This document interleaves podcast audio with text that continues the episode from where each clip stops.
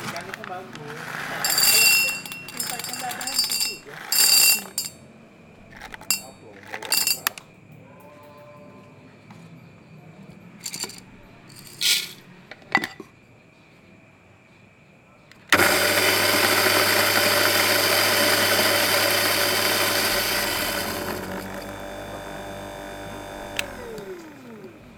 Selamat malam teman-teman pendengar setia podcast Kisah Mati Samarinda. Eh, hari ini kita sudah di apa sih namanya?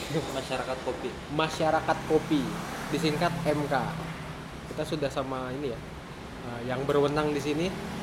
Coba diperkenalkan dulu. Yang sebelah kanan nih siapa nih? oh ya saya Zul Zul. gitu doang. Oh, saya minta. Oke, Mas Jul sama Mas Miftah. Ini pertanyaan standar aja sih. Eh, berapa lama sudah di sini? Mas? Kita udah satu tahun lebih. ya. Satu tahun lebih.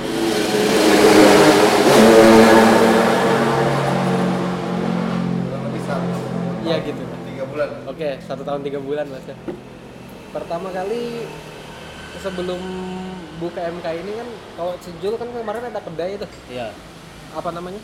Bambu project. Bambu Project di ini ya, di Pahlawan. di pahlawan di workshopnya SMK SMK 1 1. itu kenapa memutuskan untuk malah eh, jadi buka MK di masyarakat kopi? Yang bambunya ke mana?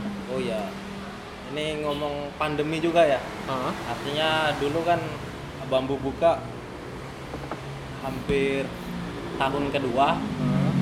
Tapi tiba-tiba kan pandemi saat itu. Ah. artinya dalam kondisi pandemi dan juga kita kaget dengan kondisi itu tidak ada persiapan apa pun akhirnya bambu ya bisa dikatakan kolab lah waktu itu Ah, artinya ndak bisa apa ya ndak bisa untuk melanjutkan lagi untuk bisa eksis di dunia perkopian pada saat itu Oke. nah seiring berjalannya waktu tiba-tiba ada inisiatif dari apa teman saya Miftah Hah? untuk uh, buka kembali.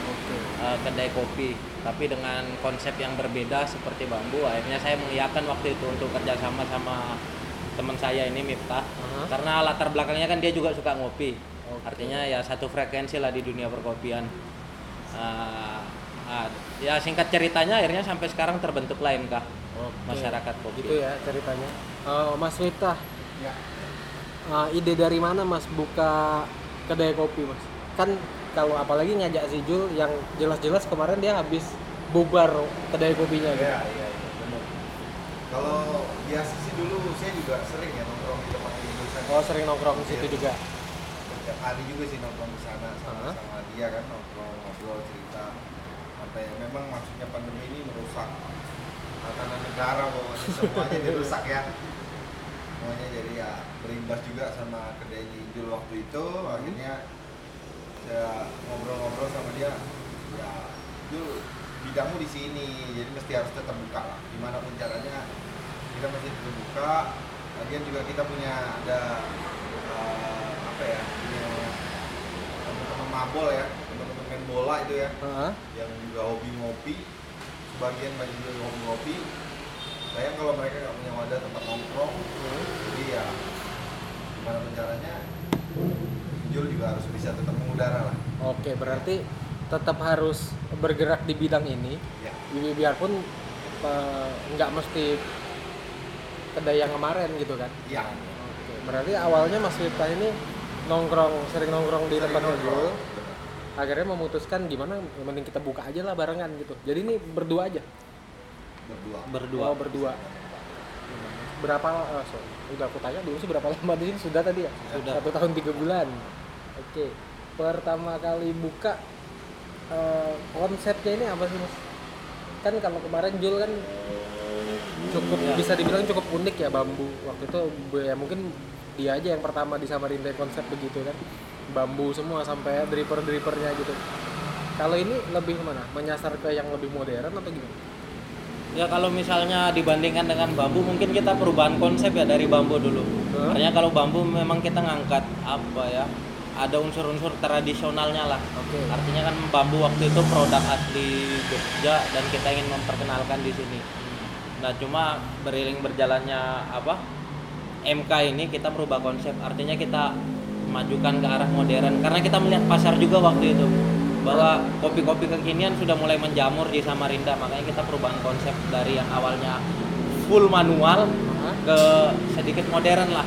Sekarang ada mesin espresso. Alhamdulillah sekarang kita menggunakan mesin espresso. ada ya apa perubahannya cukup drastis berarti ya.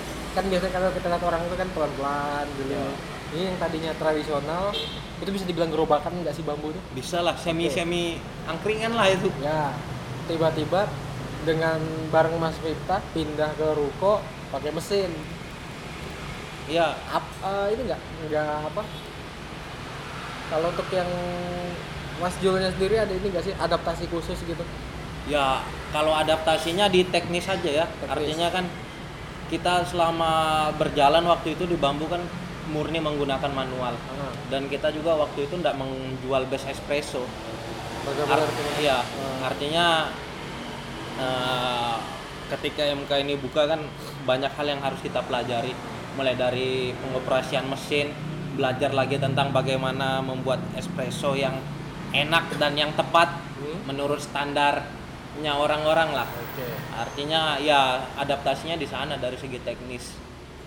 Kalau Mas Vita pas buka ini tuh emang udah selain cuma minum ya, emang udah ngerti bikin kopi dan lain-lain itu Kalau bikin saya jujur belum belum pernah. sekarang Kalau sekarang sih sedikit sedikit. sedikit sedikit. Oh berarti Karena saya juga jujur juga sibuk juga urusan kerjaan kan. oh ada kerjaan lain. Ada juga kerjaan lain. Artinya berarti Mas Vita di sini cuma usaha Ya betul. uh, yang Yang ada membantu. pekerjaannya berarti kan ya. Ya sudah ada. Kalau kalau di kita ngomongin ini deh. Ya ini pertanyaan sama sih aku sama teman-teman yang lain. Ya. perkopian di Samarinda itu gimana sih buat teman-teman yang ikut jadi pelakunya Ini sudut pandangku aja ya. Hmm. Artinya ini kan sifatnya subjektif juga. ya Artinya tepat atau enggaknya itu menurut pandangan saya. oke Artinya kalau perkopian di Samarinda kan uh, sebelum pandemi kan naiknya lumayan drastis tuh. ya Artinya awal dulu saya pertama kali terjun ke industri kopi kumpul sama teman-teman waktu itu dengan data yang ada yang sempat saya dengar cuma 80 kedai yang ada di Samarinda ya kan entah itu Samarinda seberang Samarinda kota diakumulasi semua kan ada 80-an kedai. Setahun berjalan pertumbuhannya kan sangat signifikan tuh. Artinya kedai sudah menjamur di mana-mana. Berkali-kali lipat ya? Iya, berkali-kali lipat, apalagi pas muncul awal-awal sentralnya kan muncul di Citra. Nah, Artinya itu kan sangat mempengaruhi industri kopi waktu itu kan. Jadi bisa kukatakan lah waktu itu pusatnya kopi ada di sana. oke Eh, sampai sekarang pandemi ya enggak tahu ya perkembangannya sekarang ya cuma kalau kacamata saya untuk perkembangan cukup maju sangat signifikan artinya pertumbuhan eh, kedai-kedai juga cukup drastis sampai sekarang walaupun ada yang mati ada yang tumbuh ya cuma yang mati sama yang tumbuh saya kira perbandingannya lebih banyak yang tumbuh Lebih banyak yang Iya. tumbuh. itu kan bisa kita bilang secara bisnis kan ya Iya. kalau secara apa ya eh, development ya skill barista pengetahuan pengetahuan tentang kopi itu gimana? Apakah Samarinda ini masih belum masih kayak dulu atau ya lumayan lah sudah mulai lebih kita bisa ngejar yang di Jawa gitu? Kalau skill barista, sebenarnya saya enggak apa ya enggak punya kapasitas untuk jawab ini karena kami pun di MK itu kan skillnya masih jauh dari teman-teman yang punya kapasitas jawab ini. masa sih Iya, artinya ya kalau menurut pandangan saya aja nih ya, ini murni saya.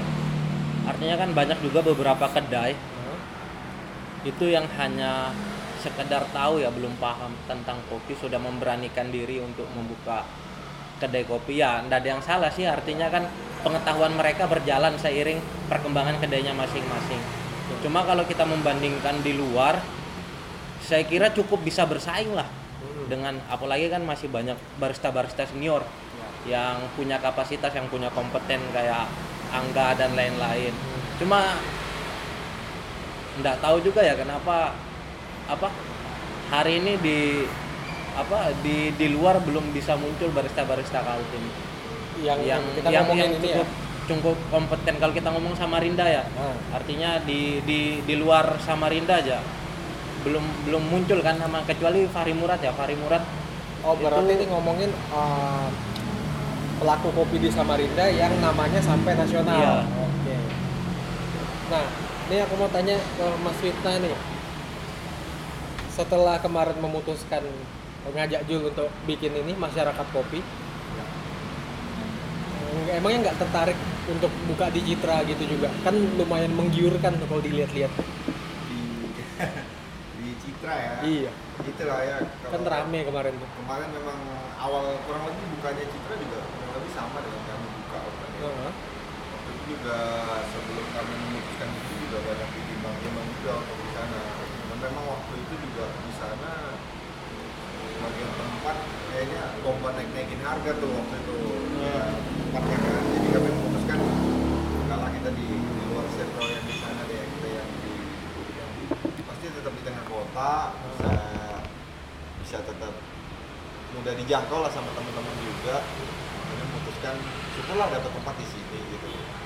Jadi kalau untuk ke Citra kemarin kami sempet ngobrol juga cuman nggak nggak nggak kepengen juga di sana emang nggak tertarik nggak tertarik nggak. berarti memang PD buka ya Buka di buka di sini. ya Bener. ngomong-ngomong di sini di, Di daerah sini. ini jalan Esparman Esparman. ah, Rahayu. jalan Esparman Rui Rahayu Nah, kalau dari Lembu setelah jembatan ya ya nggak jauh dari jembatan Nggak jauh. itu kan bisa dibilang lumayan nih banjirnya Nah, di sini gimana banjir di sini nih lebih kayak ini ya musiman gitu deh jadi kalau kayak air pasang atau curah hujan memang tinggi kiriman air dari atas mungkin dari kayak dari bendungan Hmm. itu memang bisa banjir. Cuma di poros jalan yang 100 meter lah dari kedai itu memang banjir. Adapun di depan kedai kalau memang dia pas-pasang banget benturan dengan air kiriman. Oh, nah, gitu. cuman nggak sampai dia masuk sampai kedai nggak tapi sampai. ya nggak sampai ini ya. Kalau banjir kan nggak mesti banjirnya surut bersih bersih gitu nggak nggak nggak nggak sampai itu memang cuma di jalan aja bener-bener bener.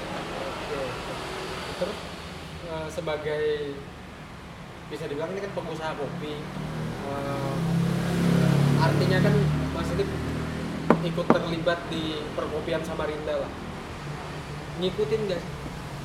Kalau saya lebih banyak dengar perkopian Samarinda malah cerita dari teman-teman di kedai ya. Oh. Eh, Terutama Ijul juga sering cerita sama saya. Ya, di sana mau ada event atau di sana ada perkumpulan dari teman-teman kedai juga kadang saya dengar ceritanya aja sih kadang kalau memang teman-teman di kedai ini mau berangkat itu saya lebih banyak di belakang untuk mensupport mereka aja Artinya nggak pernah terlibat langsung. kalau terlibat langsung saya jujur belum pernah Nah, kalau ngomong-ngomongin event kayak tadi segala macam, kalau kan masnya bilang tadi cuma support. ya Kalau ngelihat langsung gitu, pernah? belum pernah Belum pernah, nggak tertarik. tertarik sih tertarik cuman memang saya juga waktunya yang kayak Oh, agak berarti susah ini kendalanya di waktu Iya ya? betul Ngatur saya waktu. agak susahnya tuh di situ Berarti selama ini cuma di belakang layar gitu aja? ya lebih banyak lebih banyak di belakang layar Layar artinya ya udah fokus sama Ya. bisnis. Ya. Terus kenapa namanya masyarakat kopi? kalau ini bisa dijelasin Ijul kayaknya Eh, MK sorry, bentar. Yang punya ide nama dari siapa? kami, kami waktu itu Diskusi. sama-sama sambil cari, Iya. sambil cari sih Oh, Kayak sambil cari sambil cari hari-hari nongkrong Hah? buat cari ini nama Eh, akhirnya Ijul ngusulin ini Eh, MK masyarakat kopi masyarakat kopi.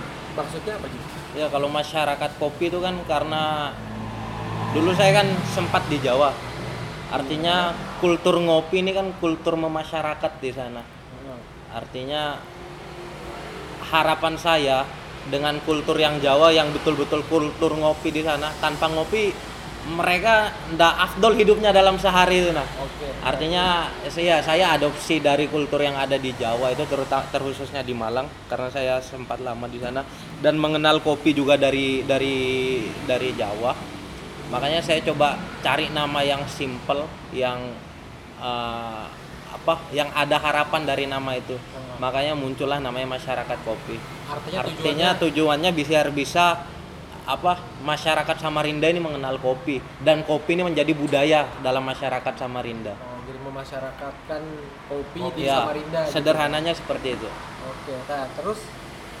sebelum ada bambu nih, berarti Mas Jul di Malang.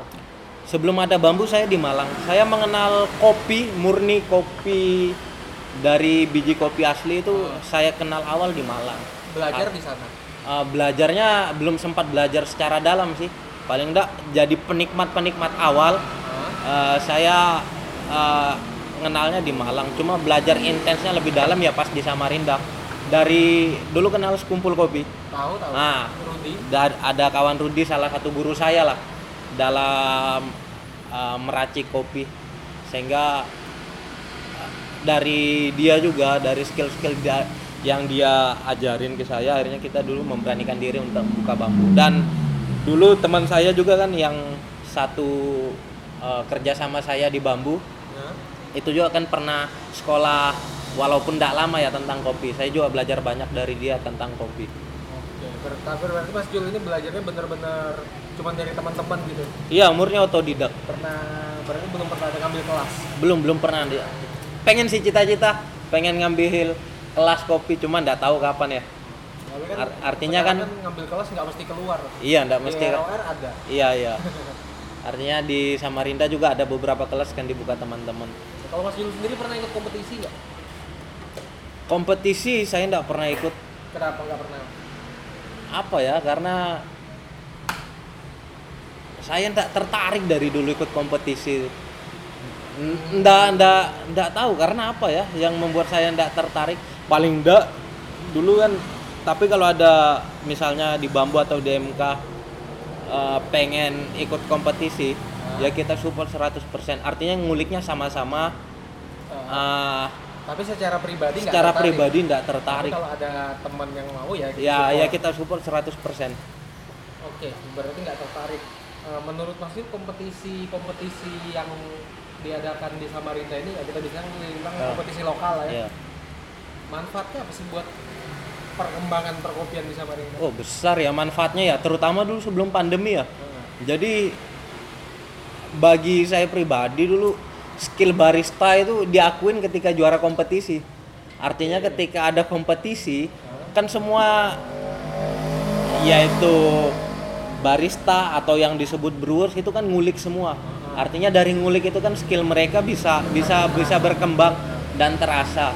Makanya dulu sebelum pandemi itu kan kompetisi banyak ya. Banyak banget. banyak banyak banget. Makanya muncul beberapa dan mungkin itu juga jadi satu trigger kenapa banyak kedai kopi muncul ya. Karena orang kan tertarik berlomba-lomba ikut kompetisi. Sehingga itu jadi salah satu trigger eh, kenapa banyak barista-barista pemula dulu muncul.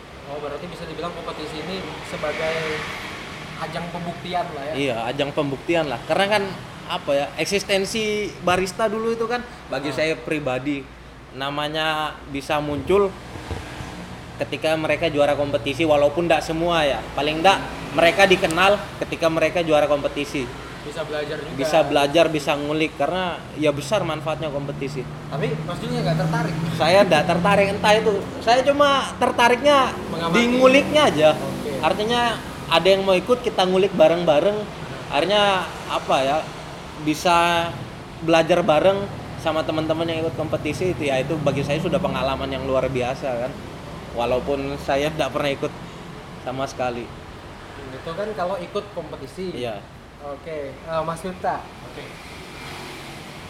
Kalau tadi memang kompetisi cuman eh, kalian berdua cuman di balik layar. Kalau bikin kompetisi gimana? Itu ide, ide bagus sih. Cuman kita belum belum dulu pernah kayaknya sempat Ijul pernah bikin ya. Cuman untuk yang teman-teman akamsi lah ya. Iya. Oh, Eh, terbatas bisa- berarti. ya jadi teman-teman yang biasa nongkrong di kedai dibikinin yuk kita bikin yuk. Oh. Gitu. jadi ya hanya seputaran teman-teman aja. Kalau untuk sampai open keluar belum pernah. Tapi nggak kalau dibilang pengen. sih pengen. Supaya bikin juga saling kenal saling tambah ilmu Hmm. di perkopian kan. Pengen pengen juga sebenarnya Berarti benar-benar ini ya.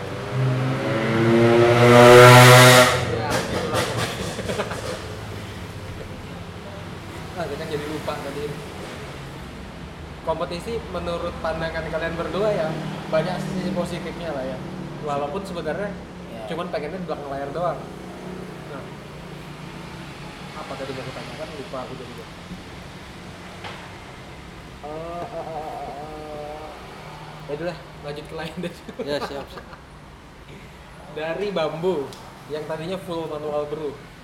Berarti kita udah inilah di situ bisa timbul karakter. Entah dari ya orang tahu bambu ini bentuknya begini. Nah sekarang di masyarakat kopi kan beda jauh. Udah jauh. konsepnya beda jauh. Apa yang mau ditonjolin di sini? Yang misalnya dibilang eh, masyarakat kopi itu yang diunggulkan tuh ini gitu itu apa? Sebenarnya kalau ditanya apa yang diunggulkan masyarakat kopi juga kita bingung ya karena memang pada dasarnya eh, hampir semua menu itu umum yang ada dijual hampir seluruh kedai kan. Oh, belum belum Ah, ada yang khusus belum ada. Cuma kan kenapa kita bambu dulu? Apa kenapa kita buka MK yang pertama juga dulu itu kan eh, kita kan berangkat dari teman komunitas juga. Artinya komunitas bola. Dulu bambu eh, itu dijadikan base camp untuk teman-teman Warkop FC artinya makanya kita coba. Sayang juga ini kalau misalnya tidak ada base camp.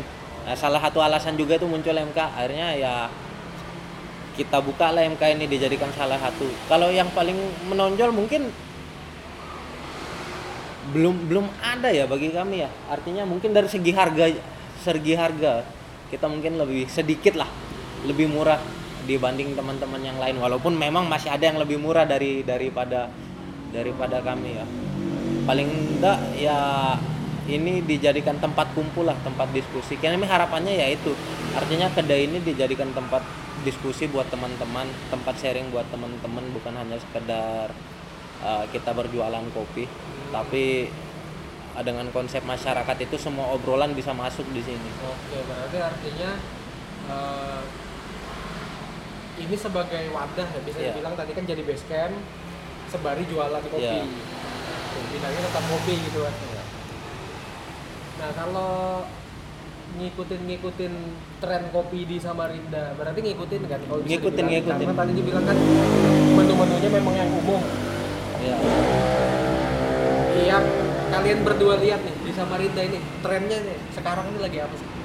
Wah, trennya kalau di Samarinda ya umum ya kopi susu es kopi susu. Es kopi susu. iya dengan berbagai macam variannya. Eh, itu kan tren yang di Samarinda mau ndak mau kan kita harus ngikut pasar. Karena uh, kopi ini kan bukan hanya sekedar kita menyeduh tapi kan kita pengen di namanya industri ya. Betul. artinya selalu pengen dapat cuan pengen dapat untung.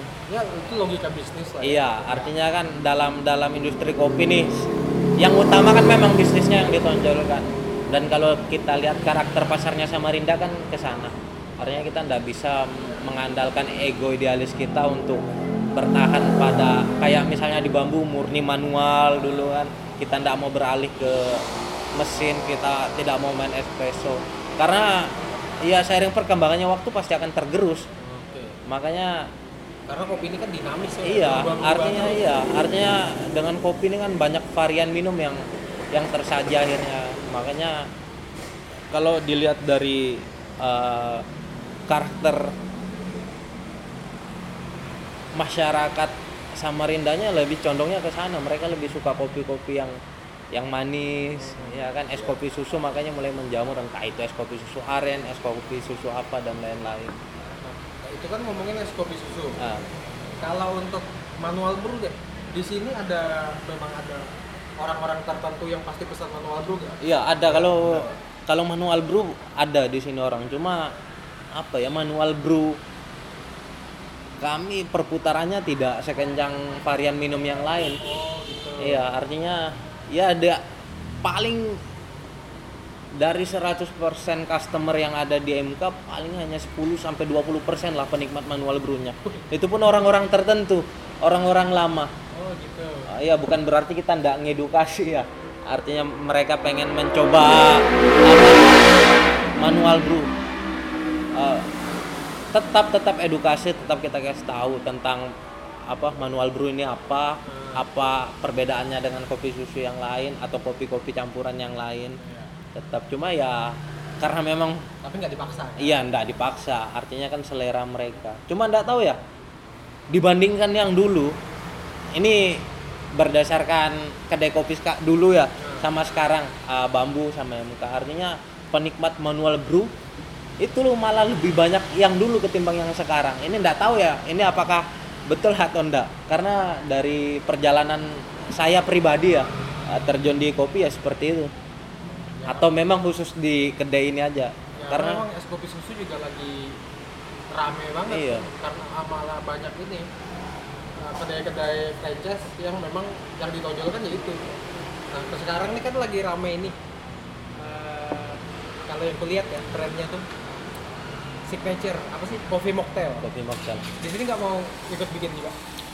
Atau sudah ada? ada kepengen ke sana cuma kami belum karena kan tidak sembarang juga artinya apa meracik signature coffee mocktail itu sendiri kan Nah, perlu campuran bahan yang pas yang tepat dan sampai sekarang kami berapa kali coba belum belum Dapat nemu rasa ya? yang tepat yang belum Untuk belum, style, iya. belum pede lah Iya, menu itu belum untuk belum dijual. belum pede Betul. untuk kita sajikan ke customer tuh belum pede mungkin bisa diminum bisa cuma untuk dijual itu masih jadi jadi takut lah kami Berarti lebih memang lebih enak jual es kopi susu ya?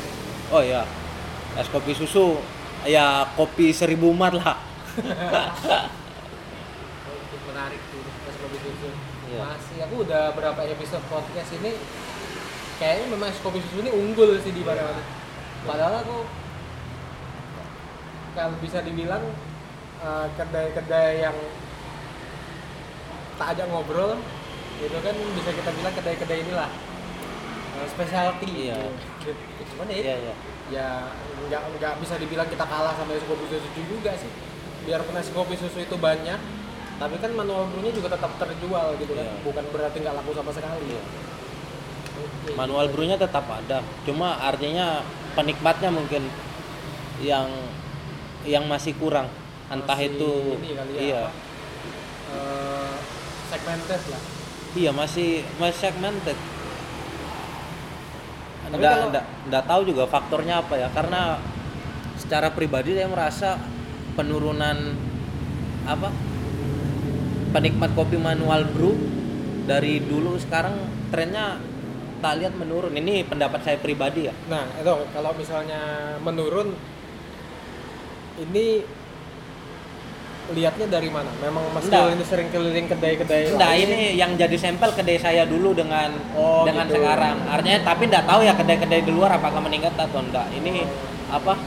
Pribadi eh, aja pribadi. artinya enggak enggak saya generalisir keseluruhan Samarinda Nah, berarti ini ya uh, kalau bisa dibilang manual brew lebih pada saat masih Mas Jul masih di bambu. Mas wah itu sangat kencang. Malah lebih kencang manual brew terutama arabica ya Uh, dibanding dengan apa es kopi susu lah. Itu sangat perbedaannya sangat jomplang.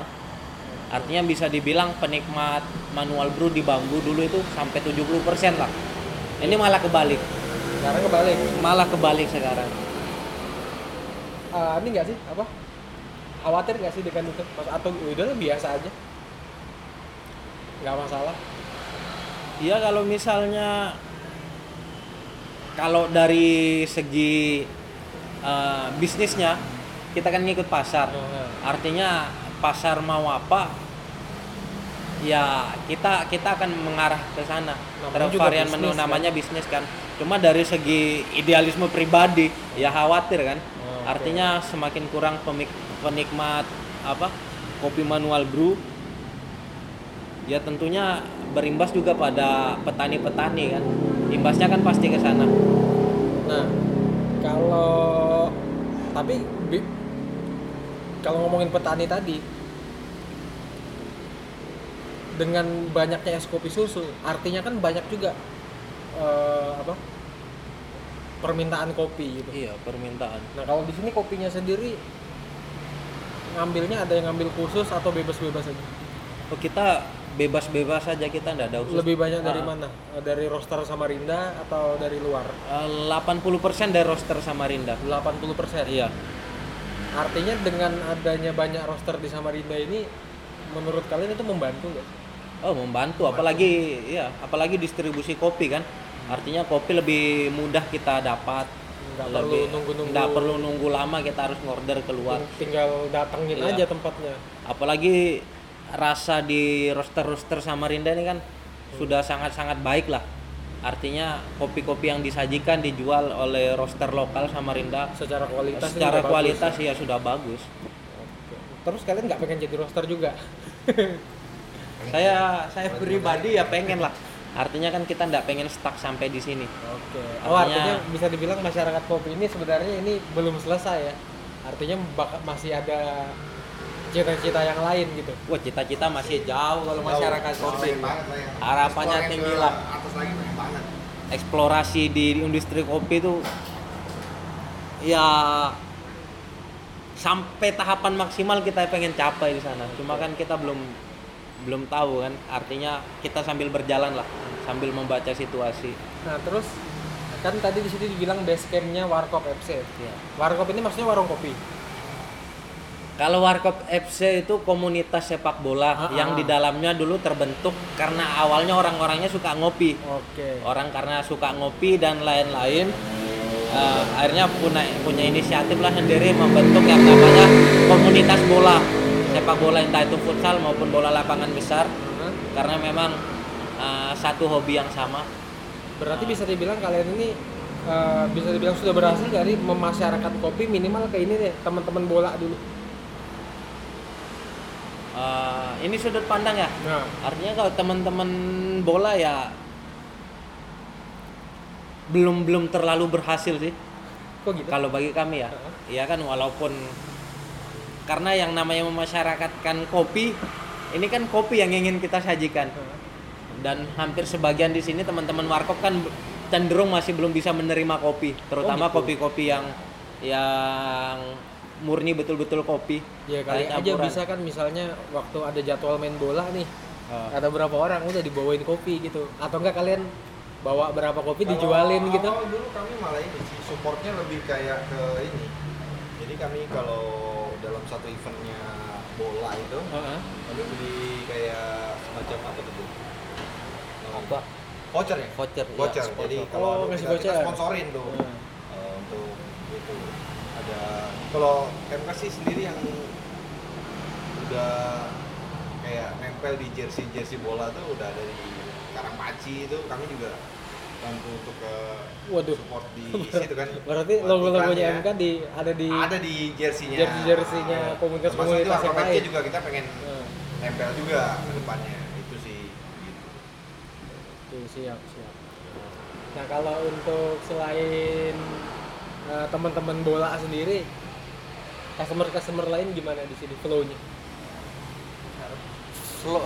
kita sih berharap sih ke depan ya kayak sudah kampus mulai Iya. buka lagi nih ya Oh, kampus ya? Iya ya. ini kan mahasiswa-mahasiswa juga pasti Oh, kalian ini kan nongkrong eh, apa? Bukanya barengan pandemi gitu. Iya, ya. pandemi. Pas, Pas pandemi. kampusnya tutup. pas Iya. kampus tutup.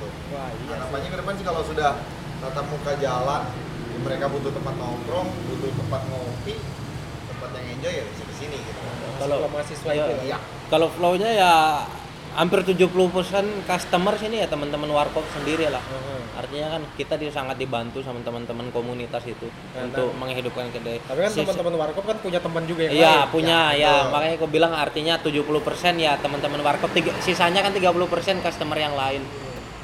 Karena ada beberapa memang customer dari kedai yang lama itu pindah semua ke sini. Lebih ini ya maksudnya berarti sudah ada customer customer reguler gitu ya Alhamdulillah sudah ada customer yang reguler yang ya alhamdulillah masih bertahan ngopi di sini lah. ada ini nggak ada misalnya yang dulu customer reguler kita ngomongin customer reguler misalnya dia merasa eh kok berubah nih atau memang yang dia mau kemarin di sini tetap ada atau dia nerima aja misalnya berubah gitu. Pertanyaan nggak nggak jelas sih. Iya, kalau perubahannya selama ini tidak ada keluhan ya. Nah, Ah, ndak, saya juga ndak bisa nyimpulkan apakah mereka merasa ada yang berubah atau ndak. Ya kalau saya simpulkan dengan mereka sering ke sini, entah itu kedai ini berubah, secara konsep memang berubah ya, tapi secara rasa walaupun banyak varian, ya kita tetap tetap sama kayak kayak yang dulu terutama di manual Oke, berarti Di kalau manual dari di manual brew spiritnya tetap. tetaplah semangat karena saya pribadi berangkat kan dari manual Hmm. dari manual brew terutama Oke, baiklah kalau begitu. Eh, ini ada rencana apa ke depan MK? Ini kan pandemi udah mulai longgar nih. Ada rencana misalnya bikin event bola kayak atau apa gitu. Ya kalau misalnya event-event rencana ke depan ya terdekat kita ingin memperbaikin eh, flow customer yang ada di MK ini terdekat ini ya Heeh. artinya kan selama diserang pandemi beberapa bulan kemarin ini kan kedai ini Berarti mau Ya, mulai ini lagi Iya, ya? mau mulai mulai mulai membangkitkan kembali lah selama hampir sebulan dua bulan belakangan ini kan bukan cuma MK ya, hampir semua mungkin industri apa terutama UMKM terkena dampak. Dampaknya pun sangat signifikan. Artinya ya kita ingin mengembalikan MK sebelum pandemi walaupun kita berdiri saat pandemi beriringan dengan pandemi cuma uh, pandemi gelombang dua ini imbasnya sangat besar di MK artinya ya kita ingin membangkitkan kembali harapan kami itu sebelum kita punya konsep yang lebih besar tentang event-event berikutnya ya Oke. Oke, kalau gitu ya mungkin ini ya. Sebenarnya ini masih banyak mau diobrolin. Cuman gila ini dari tadi di sini jalur balapan orang. iya Iya, betul. Jalur turunan gunung, Ini turunan jembatan. eh, semoga ini ya eh, ya saya doain lah makin besar. siap, Amin. siap. amin amin Jadi semoga pandeminya juga cepat berakhir. Jadi kedai-kedai mobil mulai normal lagi ya. normal ya Ya ditunggu lah siapa tahu ada keluarin signature sendiri iya Siapa tahu udah ketemu nih Iya. racikan-racikan kopi mocktailnya masih masih dalam dalam tahapan Kulik-kulik terus ya. iya artinya karena beberapa kali sudah kita ulik artinya cuma masih belum pede mungkin bahasanya kayak gitu ya Oke, siap. artinya Berarti masih ngulik aja ya. Masih- masih ngulik. customer customer MK ya, ditunggu aja. siap siap Eh, Mas Miftah, Ya. ya. terima kasih banyak Mas ya. Mas kasih juga terima kasih banyak. Ya udah kita akhiri dulu obrolan ini karena berisik banget. ya Lumayan. Kalau kita mau ngobrol di dalam nggak enak nih banyak customer. Apa-apa. Gak apa-apa. Oke. Makasih ya Mas Oke, siap. Selamat malam.